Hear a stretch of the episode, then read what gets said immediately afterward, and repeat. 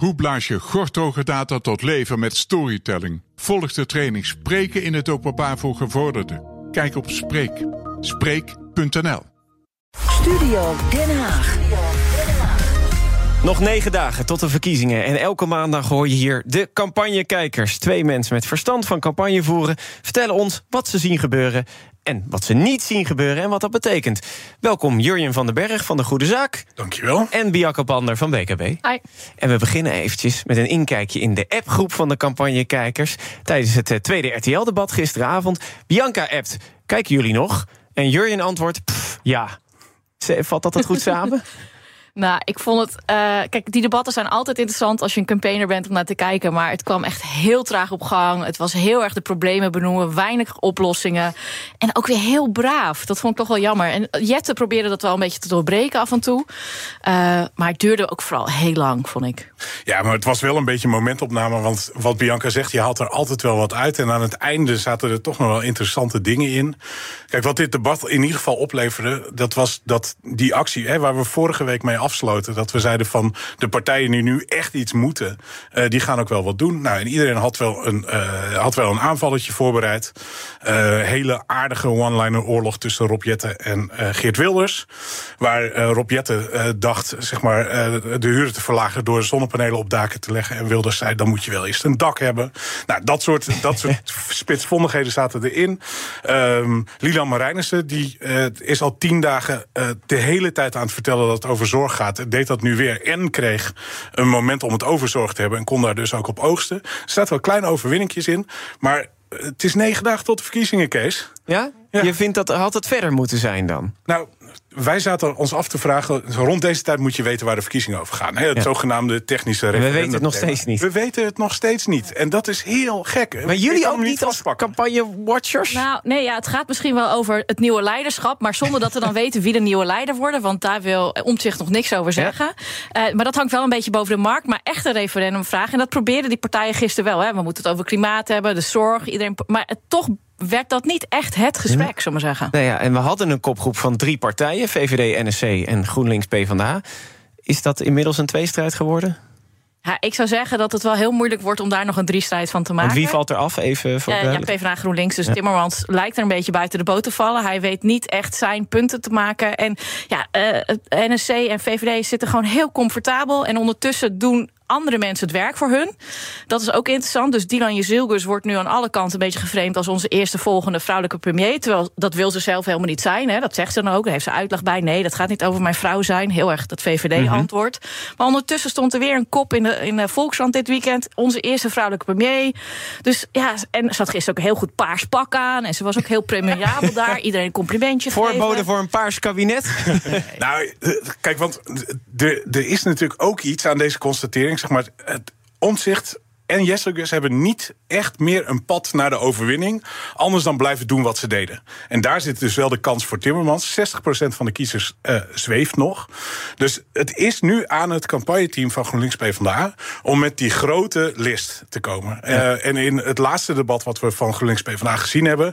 hadden ze geswitcht van Timmermans als premier naar Timmermans als de premier die linkse dingen voor je gaat regelen. Ja. En dat is, hè, um, daar zit voor de kiezer nog maar wel komt iets die spannend. boodschap goed genoeg over? Nog niet. Alleen, uh, we weten ook allemaal. Ik merk altijd als je terugkijkt op campagnes. dan zie je pas hoe dicht op de verkiezingen de laatste verschuivingen kwamen. Dus misschien zijn we ook wat ongeduldig deze negen dagen voor mm -hmm. uh, de verkiezingen. Maar er moet nu in die campagneteams. Uh, het is ook jullie het... werk om ongeduldig te zijn, dat, natuurlijk. Maar je zit dus nu op het dilemma van... moet je switchen van strategie of blijf je doen wat je deed? Ik denk dat het het eerste is, maar dat kunnen ook kleine aanpassingen zijn. Ja, nou, over wat, wat kleinere partijen gesproken dan.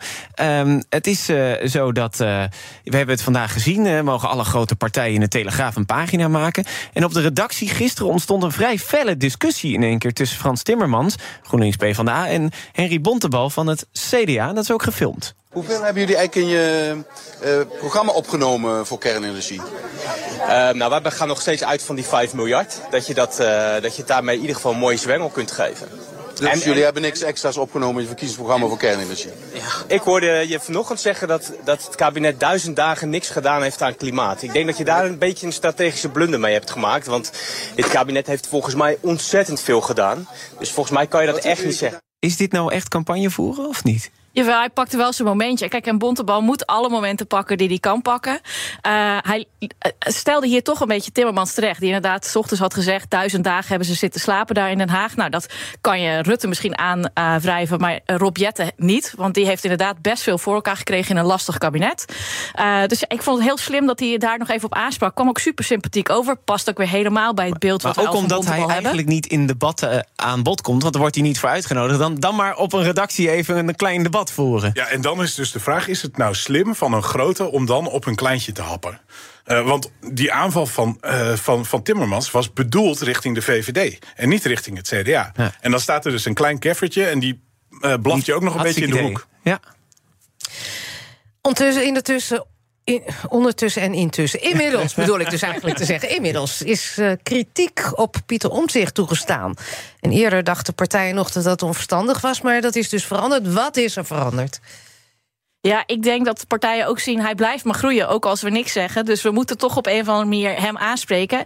En ik denk ook dat best veel partijen misschien hadden verwacht... dat, ze dat hij al wel iets had gezegd over wie ze premier zou worden... of die zelf premier zou worden. En nu is het heel moeilijk zeg maar, positioneren ten opzichte van omzicht. Dus ik denk dat ze nu maar voor de aanval kiezen. Want die is wel interessant. Want die aanval, die, ze hadden eigenlijk allemaal besloten van... we gaan hem aanvallen op zijn besluiteloosheid. Dat lijkt de kiezer niks uit te maken. Want die denkt, ja, ik twijfel zelf ook wel eens. Ja. Eh, dus hè, de hele charme omzicht heeft gewoon vrij steady gezegd... ik wil vanuit de Kamer Nederland veranderen. En dat kunnen die andere partijen zich niet goed voorstellen... want zij willen heel graag premier worden. Dus die projectie zie je, dat komt niet aan. Wat wel aankomt, is hij heeft de afgelopen week... op, eh, hè, op zijn, zijn conservatieve standpunten... en op het aansluiten bij de SGP rond abortus... eh, heeft hij echt wel klappen gehad. Ondanks dat dat een beetje een soort van uit, uit verband gerukt campagne-dingetje werd... is hij daar een paar dagen druk mee geweest. Wat ook werkte, was kritiek op de, op de doorrekening van zijn eh, verkiezingsprogramma. Ja. Wat het niet Het feit- doorrekenen eigenlijk. Ja, hij zou er eerst later mee komen en uiteindelijk heeft hij gezegd: eh, ik kom er niet meer mee. En, en wat deed hij vervolgens? Dan zelf wel aanvallen, want hij blijft een econometrist... op andere partijen en zegt van... ja, maar dit, eh, dit getalletje achter de komma klopt niet. En dan kun je terugslaan met de grootte van... ja, maar waar zijn jouw cijfers? Nou, die dingen kleven wel. Alleen het blijft allemaal marginaal... want voor de kiezer zit er een dieper liggende reden... om op omzicht te stemmen. En daar krijgt de partij geen vat op. Nee. Dan even naar eh, de kleine partij. Want we hebben het toch altijd maar weer over de, de, grote drie. Hè. Eh, een van de partijen die de boel een klein beetje opschudde was LEF.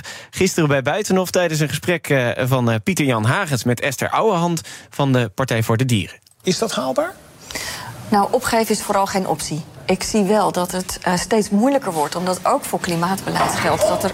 Oh jee, Wat is er aan de hand? er gebeurt van alles. Oh. Er wordt hier. eh, de ramen worden gelappen. Maar, Ja, ik dacht al, ik zag hier wat eh, beweging in de Ja, studio. maar de meneer, die, de meneer die dat aan het doen is, die, die, is die iemand. leek even te vallen. Maar, oh wacht, er wordt een, een, eh, een, eh, een Lef, poster lef, geplakt. stem. Er wordt, de ramen worden helemaal niet gewassen. Oké, nee. Nee. Creatief. Ja, creatief. Er komt een, eh, een verkiezingsposter. Wat het over klimaat. En Ja. ik hou wel van eh, een beetje, eh, een beetje proberen aandacht helemaal vragen. niet. Ja, zijn deze kleine partijen eigenlijk deze campagne veel leuker dan de grote? Ja, ze kunnen in ieder geval veel vrijer campagne voeren. Want ze hebben natuurlijk niks te verliezen. En eh, hoe beter je in de peiling daarvoor staat, hoe meer je te verliezen hebt. En hoe gespannender het er vaak ook zo'n campagneteam aan toe gaat. Hè. Dan moet je elk woordje wikken en wegen. En ja, deze jongens en meiden van Lef, die hebben eigenlijk niet zoveel te verliezen. Het is al ontzettend knap dat ze überhaupt op de lijsten staan. Dus ja, lekker vol ervoor gaan. Ik vond het echt heel slim bedacht. Of, en of het moet was- het nog meer? Gewoon even, even wat radicalere verkiezingscampagnes, joh. Nee, maar het moet op alle vlakken nog meer. Want anders wandelt het inderdaad langzamerhand voor die kiezer weer richting de situatie waar we in 2021 ook op zaten. Dat je aan het einde van de campagne tegen elkaar zei: wat hebben we nou gezien aan verschillen?